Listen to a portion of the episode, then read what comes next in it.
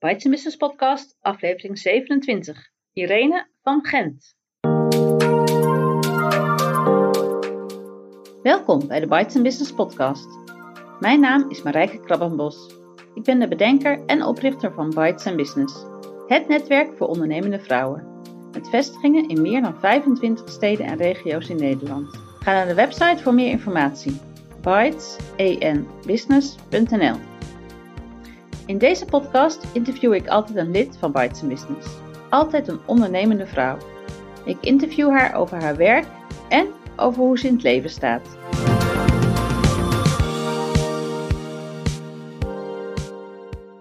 In aflevering 27 het interview met Irene van Gent, lid van Bites Business Utrecht en storyteller. Ik zit hier met Irene van Gent, storyteller, lid van Bites Business Utrecht. En Irene, zou je jezelf willen voorstellen? Ja, heel graag. Dankjewel uh, voor de uitnodiging. Ik ben uh, schrijver, spreker en storyteller en ik vertel verhalen. Ik schrijf boeken um, en ik deel mijn verhalen op podia. En dat gaat meestal over hoe je zo dicht mogelijk bij jezelf kunt komen. Dus hoe je in contact kunt komen met jezelf en de wereld om je heen. En ik geloof dat uh, als iedereen echt leeft vanuit zijn eigen essentie, dat we dan een wereld kunnen creëren die liefdevoller en duurzamer is. En dat is een beetje mijn nieuwe missie geworden. Hmm. Hey, maar je zegt, ik vertel verhalen en het gaan over hoe je iets kunt worden. Verhalen klinkt mij een beetje meer als nou ja, verhalen van anderen of fictie. En hoe je iets kunt worden klinkt mij meer als een methode of een zelfhulpboek. Of zit het ertussenin? Ja, nou ja, het zit er eigenlijk uh, een beetje tussenin. Want ik deel deels uh, meestal mijn eigen verhaal over hoe ik het, mijn eigen weg volg. En hoe ik bepaalde reis naar iets afleg. Dus dat begon tien jaar geleden als um, mijn zoektocht naar hoe kun je gezonder of natuurlijker eten eigenlijk. Dan ga ik op zoek naar hoe werkt dat dan voor mij? Hoe eet ik? Wat eet ik? En dan ga ik op zoek naar mensen die uh, ook op een bepaalde manier eten. En daar haal ik dan mijn inspiratie uit. Dan deel ik dat verhaal van die mensen die dat doen. En dan pas ik dat toe vervolgens op mijn eigen leven. En dan vertel ik dat verhaal weer door om andere mensen te inspireren om het ook op een bepaalde manier te gaan doen. Maar altijd met de uitdaging en de uitnodiging eigenlijk om het helemaal te doen zoals jij het zelf wilt. Met de kennis van anderen. Mm -hmm. Ja, helder. En je zegt tien jaar geleden begon het al. Kun je ons in grote stappen meenemen naar hoe je tot deze plek en deze rol in het leven nu bent gekomen? Ja, nou, tien jaar geleden uh, was ik, ja, had ik net mijn baan opgezegd om um, een uh, reis te gaan maken van uh, ongeveer een jaar. Althans, dat was de intentie op dat moment. En, en ik zei tegen mezelf, nou, na een half jaar zat ben, dan mag ik ook wel terug naar huis komen. Maar ik verkocht mijn huis en ik heb al mijn spullen in de opslag gedaan en, en ben op weg gegaan. Ik ben vijf jaar weggebleven. En in die tijd uh, ja, heb ik heel veel plekken gezien, heb ik heel verschillende banen gehad. En kwam ik eigenlijk steeds meer op dat punt van, ja, wat vind ik nou eigenlijk leuk om te doen? En toen merkte ik dat ik het leven wat ik had in de red race in Nederland, met uh, mijn hypotheek en mijn, en leaseauto en mijn baan, met mijn salaris, dat ik het eigenlijk helemaal niet zo prettig vond. En dat ik dacht, ja, ik wil op een andere manier leven, maar hoe kan ik nou twee dingen die ik heel fijn vind, namelijk vrijheid en mijn inspiratie delen, goed met elkaar combineren. En Mag ik heel even, heel even, wat voor baan heb je zo al gehad in die vijf jaar in wat voor landen? Um, even met je mee te kunnen als, reizen. Ja, ik begon um, als vrijwilliger op een uh, landgoed in Frankrijk. Uh, vervolgens werd ik, uh, heb ik een tijdje in Italië gewoond. daarna werd ik kok in een chalet in Oostenrijk. vervolgens werd ik flotiljeleider in Griekenland. Daarna weer chalethost in, uh, in een skigebied. En zo wisselde ik vervolgens tussen de ski-seizoenen en, de, en de zeilseizoenen uh, mijn werk af.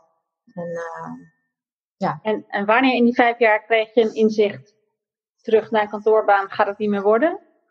Al vrij snel, denk ik, toch? Niet uiteindelijk. Ja, dat was, dat was al vrij snel. En tegelijkertijd was het, dus in die vijf jaar dacht ik, ja, nooit meer, nooit meer een kantoorbaan. En tegelijkertijd kwam ik na vijf jaar terug in Nederland en had ik helemaal niks meer. En was mijn enige gedachte om dit probleem wat ik nu heb, namelijk uh, geen geld, geen huis, geen partner, moet ik maar weer in het Nederlandse stramien mee, want dat zal mijn probleem dan wel oplossen. En uh, hoe hard ik daar ook naar zocht, mijn ziel wilde eigenlijk gewoon een hele andere kant op gaan. Dus, dus dat werd helemaal niks uiteindelijk. Dus uh, yoga was toen mijn oplossing. Dus na, na vijf jaar in het buitenland kwam ik terug in Nederland en dacht, nou oké, nu is het tijd voor mij, nog meer voor mij. Want als je in het toerisme werkt, dan heb je eigenlijk nooit tijd voor jezelf. Dus ik dacht, nou, nu ga ik wat meer tijd voor mezelf maken. Uh, en toen was yoga wel echt ja, de oplossing van um, mijn nieuwe levensstijl. En toen dook ik dus helemaal in de yoga, want ik dacht, ja, dat zakelijke leven in Nederland, dat gaat hem toch niet worden. Dus laat ik dan maar in de yoga duiken. Dus toen ging ik volledig in de spirituele kant. Nou, dat was, dat was het uiteindelijk ook niet, want daar werd ik ook maar deels gelukkig van. Want ja, op een spirituele roze wolk zitten is heel fijn. Maar je raakt je verbinding met de aarde een beetje kwijt. Uh, en dat was dus ook wat er gebeurde. Uh, maar de enige houvast die ik in al die tijd heb gehad, was het schrijven van verhalen. En dat was of in, in blogs, uh, of in de boeken die ik schreef. En dat heeft er uiteindelijk nu toe geleid dat ik begin dit jaar besloot van er is nog maar één ding wat ik hier te doen heb. En dat is dus verhalen vertellen in de vorm van boeken, lezingen geven, uh, podcast delen. Om mijn eigen verhaal te delen, mijn eigen ervaringen en de verhalen van anderen. Ja, onder de titel, paraplu, naam? Ja, de, nu is het thema Volg je eigen weg. Want dat is, dat is het boek wat ik, wat ik onlangs heb geschreven en uitgebracht. Dus het, het, uh, dat is nu het thema. Dus echt hoe kun je in de red race die we met z'n allen gecreëerd hebben in Nederland, ja, daar los van komen en echt helemaal doen wat goed is voor jou. Volg je eigen weg met nadruk op, op eigen, hè? Ja. Volg je eigen weg. Ja. ja. ja. En hoe heb je dan dat geldprobleem opgelost? nou, ik denk dat ik dat Met yoga kun je geen brood kopen, toch? Wat zeg je? Nou ja, ja ik, ik, denk het wel, want er zijn ook hele succesvolle yoga-ondernemers. Ik bedoel, de bekendste is wat dat betreft wel Yoga with Adrian uh, met haar enorme YouTube kanaal en, uh, en community uh, daaromheen. Dus ik, ik, denk dat je met yoga echt wel geld kunt verdienen als je het op de juiste manier doet. En er zijn ook heel veel yoga docenten die daar meer moeite mee hebben en daar ook altijd iets bij doen. Wat ik eigenlijk altijd heb gedaan is naast dat verlangen om te schrijven ook gekeken van hey, wat past er op dit moment bij mij? Wat voor welk werk wil ik nu doen? En dat kwam eigenlijk altijd een beetje op mijn pad. En pas nu zie ik dat het altijd bijbaantjes geweest zijn om eigenlijk ja, die belangrijkste drang van mezelf, namelijk schrijven, te kunnen volgen. En een andere kant van het verhaal wat geld betreft is bij mij dat ik heel erg ben gaan downsizen. Dat ik dus echt heel minimalistisch heb leren leven. En dat eigenlijk ook gewoon heel erg fijn vind. Uh, want er wordt dus veel minder, of ik verlang veel minder van mezelf, waardoor ik alle vrijheid heb om te kunnen ja, schrijven en, en vrijheid te kunnen ervaren, ook in hoe ik mijn dag indeel. Ja. En hoe ziet jouw schrijven eruit? Heb je daar een fijn plekje voor? Heb je daar een vaste tijd voor? Uh, ik probeer dat zoveel mogelijk in de ochtend te doen. En dat kan er, als ik, als ik veel ruimte en tijd heb, dan kan het zo gebeuren dat ik wakker word met een zin in mijn hoofd. En dat ik ga zitten en ga schrijven en dan uh, uh, een heel verhaal schrijf. soms moet ik me er zelf echt toe zetten dat is als ik, als ik echt een boek aan het maken ben, dan, dan ja, wat er dan gebeurt is dat er af en toe uh, ook een beetje push achter moet zitten. Dus dan plan ik echt de ochtenden helemaal zodanig in dat ik moet gaan schrijven. Uh, en dat helpt dan ook wel om het schrijfproces op gang uh, te houden. Ik heb nu thuis een, een lekker plekje om te kunnen schrijven. En soms vind ik het ook heel fijn om te schrijven als ik onderweg ben. Dus als ik lange tijd in de trein zit of ergens in een koffietentje zit, dan, dan opeens komt de inspiratie op en dan, dan ben ik aan het schrijven. En, ja, het gebeurt niet meer midden in de nacht. Dat was vroeger nog wel eens zo. Dat nu gelukkig niet meer. nu slaap ik gewoon door. Maar uh, ja, soms komt er een, een, flash of insight en dan, en dan opeens moet ik wat, uh, moet ik wat schrijven. Ja. Hoeveelste boek is dit? Weg? De derde. Derde boek. Ja. En, en hoe ervaar jij het proces van een boek schrijven? Je zegt dus, je hebt nou de eerste keer dus niet gezegd eens maar nooit weer, wat best veel mensen uh, wel zeggen. Hoe heb jij het ervaren, een boek schrijven? Ik heb bij mijn tweede boek heb ik het vergeleken met de geboorte van een kind. Maar dat kan ik eigenlijk niet vergelijken, want ik heb nooit een kind gekregen. Dus, dat doe ik nu maar niet meer. maar ik, het is wel, het gaat wel, je gaat wel door een soort compleet proces heen. Waarbij uh, het bij mij zo is gegaan tot nu toe. Dat ik een, um, een paar jaar de tijd nodig heb om alles te laten landen. En dan, en dan is het het laatste jaar, zeg maar, van het proces, ben ik het boek aan het schrijven. En wat misschien bij dit boek wel leuk, een leuk verhaal is. Een jaar geleden was ik bij de Bites Business Retreat in uh, Toscane. Bij de schrijfweek en daar begon dit boek.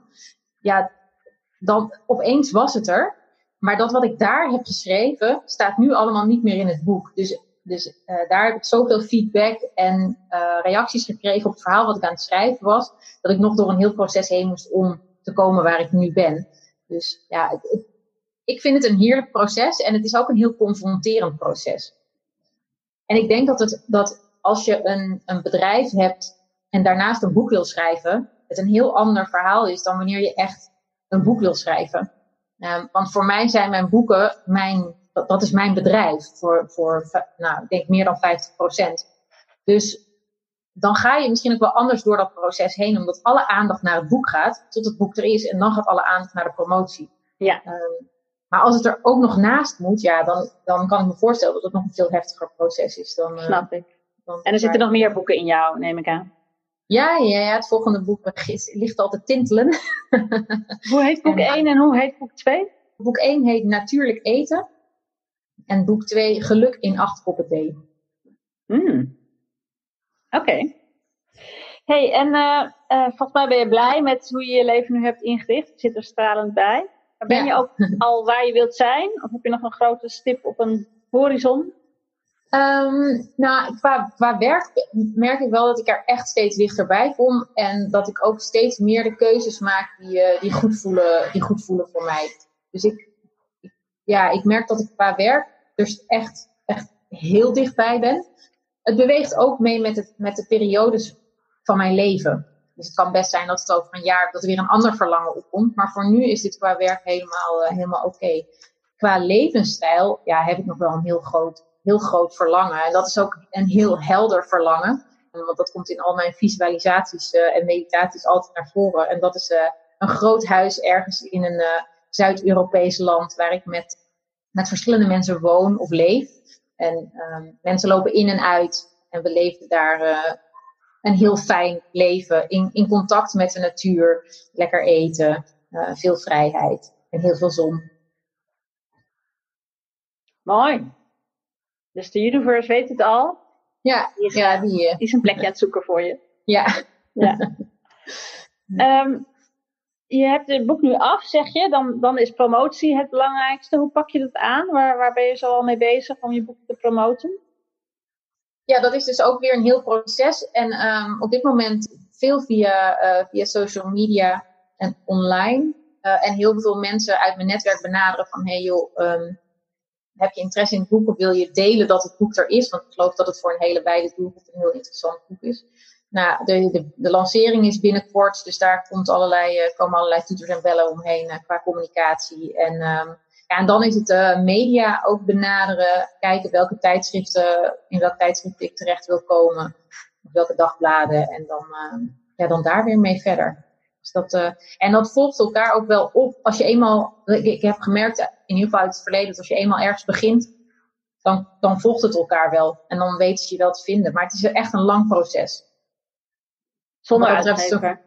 Of ja. met een uitgever? Ja, ja zonder uitgever. Ja. Het voordeel wel is van de boeken die ik schrijf, is dat ze tijdloos zijn. Dus dat het niet uitmaakt of het nu in de media komt of over een half jaar. Dat is ook prettig voor mijn inkomstenstroom dan weer. Ja. ja. En sta je in contact met vakgenoten? Uh, nou, ik moet zeggen dat ik uh, met heel veel mensen contact heb, maar uh, schrijvers minder dan een heleboel andere mensen. Okay. dus ik heb, ik heb heel veel, ik heb een groot netwerk en hele fijne ondernemers om me heen. Alleen in de schrijverswereld het is ook wel een beetje een nieuwe wereld voor mij, dus daar ken ik nog niet heel veel mensen die, die precies hetzelfde doen. Althans, in, niet hetzelfde schrijven, want dat zou, nou, dat kan ook, maar uh, ja, het is fijn om, uh, om mensen om me heen te hebben die ook dat schrijverspad echt kennen. Ja, ja. En voor wie is Volg je eigen weg? Wie zou dat moeten lezen, kopen? Het is een boek voor voornamelijk vrouwen, maar mannen zijn ook van harte welkom om het boek ook te lezen. Maar het is een boek voor mensen die ja, het gevoel hebben van hé, hey, mijn leven is wel leuk op dit moment, maar het kan eigenlijk nog beter. En ik voel diep van binnen een stemmetje dat het anders wil. Maar hoe dan? Hoe kan ik nou dat stemmetje gaan, ja, gaan horen en daar ook ja, naartoe bewegen? En welke stappen heb ik dan te zetten? Oké, okay, dus het is niet per se loopbaan. Het, het, zou met werk te maken kunnen hebben, maar niet per se. Uh, nee, het is um, hoe je het leven staat. Het is wat je maakt van je leven. Ja, het gaat echt over, over het, het, het ontspant je hele leven. Al geloof ik wel heel erg dat iedereen hier op aarde is met een bepaalde missie. En die kun je naar voren laten komen in je werk, maar dat hoeft niet per se. Als je maar wel gaat ontdekken wat die missie is en hoe je die dan in je leven kunt ja, toelaten eigenlijk. Want je kunt er ook een baan hebben waarin het misschien niet helemaal naar voren komt, maar dat je dan in je vrije tijd wel meer dingen doet die passen bij die missie. Uh, dat je dan op een gegeven moment ook het in je werk gaat laten integreren. Dat kan natuurlijk altijd. Maar je moet wel weten wat het is en ontdekken van hé, hey, oké, dit is de kant die ik op wil en past dan het werk wat ik doe daar ook daadwerkelijk bij. Helder. Dank je. Ik zal natuurlijk de link naar, eh, naar jou en het boek uh, in de show notes zetten. We gaan over naar deel 2. Um, mm Het leven. Er is meer in het leven dan alleen werken. Dus er zijn nog heel veel uren over. En wat doe jij dan in het leven? Welke uh, andere rollen dan ondernemer beheers jij of uh, heb jij en hoe verdeel jij je tijd? Welke rollen beheers ik? Nou, soms heb ik wel eens dat ik in mijn leven helemaal niks beheers. um, maar uh, naast mijn rol als ondernemer ben ik partner en huisgenoot van mijn partner. En ik, ja, de dingen die ik graag doe zijn koken, lezen, yoga, naar buiten gaan, ja, in contact zijn met vrienden.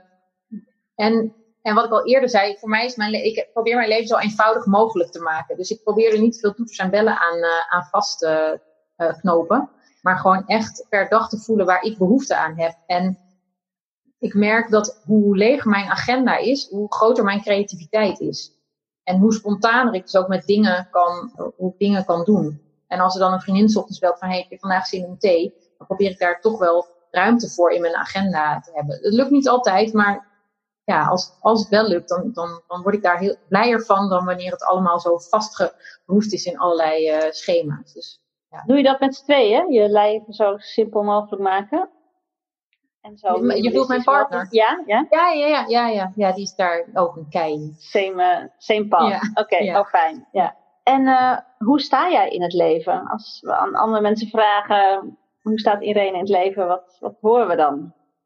Ja, dat is wel een, het is, vind ik wel een interessante vraag. Want um, ik kan heel positief in het leven staan. Ik kan ook heel pessimistisch zijn. Hmm. Um, dus dus het is een, dat is een balans die, die ja, nou ja, ik, weet nog niet zo goed hoe ik die in mijn leven moet zien. Maar ik, ik, ik leef vanuit het, vanuit het idee dat, dat het altijd goed komt. En heel soms, als, uh, als ik zelf in een fase zit waarin ik, het, ja, waarin ik het dingen moeilijk vind, dan kan ik wel eens komen van, oh, dit komt echt nooit meer goed. Maar ik kom altijd weer terug bij, het komt altijd goed. En dat vertrouwen wordt ook steeds sterker, omdat ik, nou ja, hoe ouder ik word, uh, hoe meer ik meemaak en hoe vaker het weer goed komt. Dus dat kun je dan ook een beetje opbouwen. Ja, ja. En je staat dicht bij de natuur. Nou, ik probeer zoveel mogelijk uh, het ritme van de natuur te volgen. Maar dat is wel iets wat, um, wat nieuw voor me is. Dus dus um, ik, ik noem me niet, mezelf nooit echt een natuur, natuurmens, omdat ik heel veel buiten ben. Want dat, uh, ik woon in de stad en ik kom wel veel buiten, maar het is nog niet echt die verbinding met, met de grond of zo. Maar ik probeer wel de seizoenen te volgen en de ritmes van, van mijn eigen cyclus en de cyclus van de maan. En weet je, dus ik probeer daar heel erg op in te tunen. En te voelen van, hé, hey, wat doet dit seizoen met mij en um, deze fase van het jaar bijvoorbeeld. Of uh, fase van mijn eigen cyclus. Dus ja. in die zin voel ik me daar wel heel erg mee verbonden, ja. En zijn er andere belangrijke waarden die jij heel erg na probeert te leven in het, uh, nou, in het leven? Nou, voor mij is um, vrijheid een enorm belangrijke waarde. Dus daar zit mijn, uh, ja, nou, vrijheid en eerlijkheid. Dus dat zijn eigenlijk de twee die voor mij het meest, meest belangrijk zijn. En als ik merk dat ik die niet heb, dan, uh, ja, dat, dat voelt niet goed. Dus ja. Helder. Um, zou je, je hebt ontzettend veel meegemaakt, onder andere in die vijf jaar, denk ik. Hè? Dat is natuurlijk wat, wat niet heel veel andere mensen gedaan hebben. Is er een levensles die je met ons wilt delen? Iets wat je hebt meegemaakt ergens, of uit een boek, of uit ervaring hebt gehad, waarvan je denkt, nou, dat vond ik echt een inzicht wat nieuw was op een gegeven moment? Nou, het was eh, jaren geleden uh, las ik van Louise Hay, je bent altijd op het juiste moment, op de juiste plek, met de juiste dingen bezig. En zoals dat met dit soort dingen gaat, landt dat bij mij niet meteen. Maar hij is wel altijd blijven hangen. En En de laatste maanden leef ik daar echt steeds meer naar. En dat, dat, uh, dat komt ook weer terug op dat vertrouwen. Vertrouwen dat je dus altijd met de juiste dingen bezig bent. In het tempo dat bij jou past. Dus ik, je kunt iedereen om je heen, alle ondernemers om je heen zien, rennen, vliegen, wat dan ook. Maar dat hoeft niet jouw tempo te zijn, want zij kunnen allemaal in een andere energie zitten. En ik heb geleerd dat mijn eigen tempo soms langzamer is, soms sneller. Maar dat ik eigenlijk altijd op het juiste moment met de juiste dingen bezig ben. En uh, ja, daar probeer ik toch elke dag beter naar te luisteren. En hoe heb je dat geleerd? nou ja, zoals je alles leert met vallen en opstaan, ja. denk ik. Um, ja, en zelfs, weet je, het, het gebeurt me in deze tijd ook nog dat ik dan op een dag meer van mezelf wil dan mogelijk is. Bijvoorbeeld omdat ik moe ben of omdat ik me niet lekker voel of zo. En dan, dan zit dat stemmetje wat ik van thuis uit heb meegekregen van je moet elke dag hard werken om iets te bereiken. Dat, dat, dat blijft dan naar boven komen. Terwijl als ik dan twee dagen later me kip lekker voel, dan doe ik in, twee uur, zeg maar, wat ik normaal, waar ik dan normaal zes uur over zou doen. En dan denk ik, oh ja, ik had dus helemaal niet zo hard moeten hoeven ploeteren op die dag dat het niet ging. ik kan gewoon vertrouwen dat het, er, dat het moment wel komt dat ik het wel doe.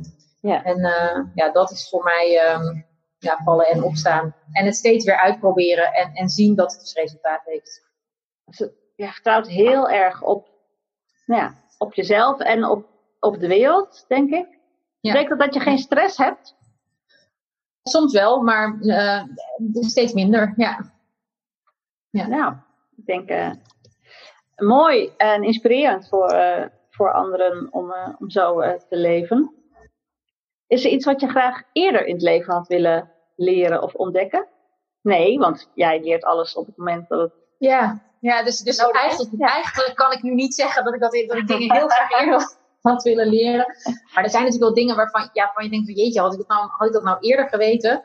Ja, en tegelijkertijd geloof ik ook zo dat je alles op je pad krijgt wat nodig is om, om te komen waar je nu bent. Dus, dus dat blijft, ja, weet je, natuurlijk had ik eerder willen leren dat ik op mezelf kon vertrouwen en uh, dat ik er mag zijn en, en, dat wat ik doe genoeg is. Dat had ik echt wel graag eerder willen weten. Maar ja, kennelijk is het nu het moment om dat helemaal te omarmen. Ja. En dat is dan ook oké. Ja. Is zo'n motto, is er iets wat jij wel op een uh, tegeltje zou willen schilderen, of misschien ooit hebt gedaan? Nee, ik heb nog nooit iets op een tegeltje geschilderd. um, maar misschien is denk ik wel het enige woord dat ik op een tegeltje zou zetten is vertrouwen. Ja, ja dat heb vertrouwen. Heb vertrouwen, ja. ja. Dat, uh, dat klinkt heel goed door in jouw verhaal. Ja. Hey, je was uh, uh, mee naar Bites Business schrijfweek in Italië. Ja. je bent al een poosje lid van Bites Business. Wat is netwerken voor jou? Netwerken is me verbinden met, met gelijkgestemden. Netwerken kan voor mij ook zijn mensen zo goed leren kennen dat je elkaar werk toe kunt spelen. Of dat je weet van, hé, hey, die moet ik hebben om een bepaalde vraag die ik heb op te lossen. Het is ook kennis delen, elkaar inspireren. En soms ook ja, de eenzaamheid van alles zelf doen doorbreken door, door ja, even contact te maken met mensen die, die begrijpen in welke situatie je zit. En waarom Bites Business? Nou, omdat ik jou al heel lang kende. en zag dat je nog dat, uh, nou, ik denk dat ik in het begin, toen het begonnen was, uh, een paar keer bij Buiten Business was geweest. En uh, ik vond het concept van samen eten heel leuk. dat was iets wat ik zelf had kunnen bedenken. En toen kwam het weer op mijn pad. Na tien jaar ging ik weer en toen dacht ik, hé, hey, wat, wat doen jullie leuke dingen? Ik, ga, ik sluit me weer aan. En ja, ik geniet ervan. Nou, fijn. Nou, dan zijn we aan het einde. Als mensen meer over jou willen weten, waar moeten ze wezen, Irene? Uh, mijn website irenevangent.com. Nou, en dan heb je alles. Nou, heel fijn. En ben jij ook op Insta, LinkedIn? Wat vind je de fijnste social media? LinkedIn vind ik denk ik uh, het fijnst om uh, voor zakelijke contacten, maar ik ben ook op Instagram. En ehm, ja, als ik alles ga noemen, dan, dan word je gek. Dus laten we daar maar mee beginnen. Oké. Hartelijk dank, Irene. Heel graag gedaan. Dit was aflevering 27 van de Bites Business podcast. Ga naar de website van Bites Business om de aantekeningen bij dit interview te vinden. En heel graag tot de volgende keer. Heel veel dank voor het luisteren. Abonneer je op de podcast, zodat je geen aflevering hoeft te missen. Ben je nog geen lid van Bites Business? Kom dan een keer meedoen op een van de netwerkdiners in het land. Kijk voor meer informatie op de site www.bytesenbusiness.nl Bites Business, het netwerk waar ondernemende vrouwen elkaar leren kennen, elkaar inspireren en elkaar verder helpen. Tot de volgende keer!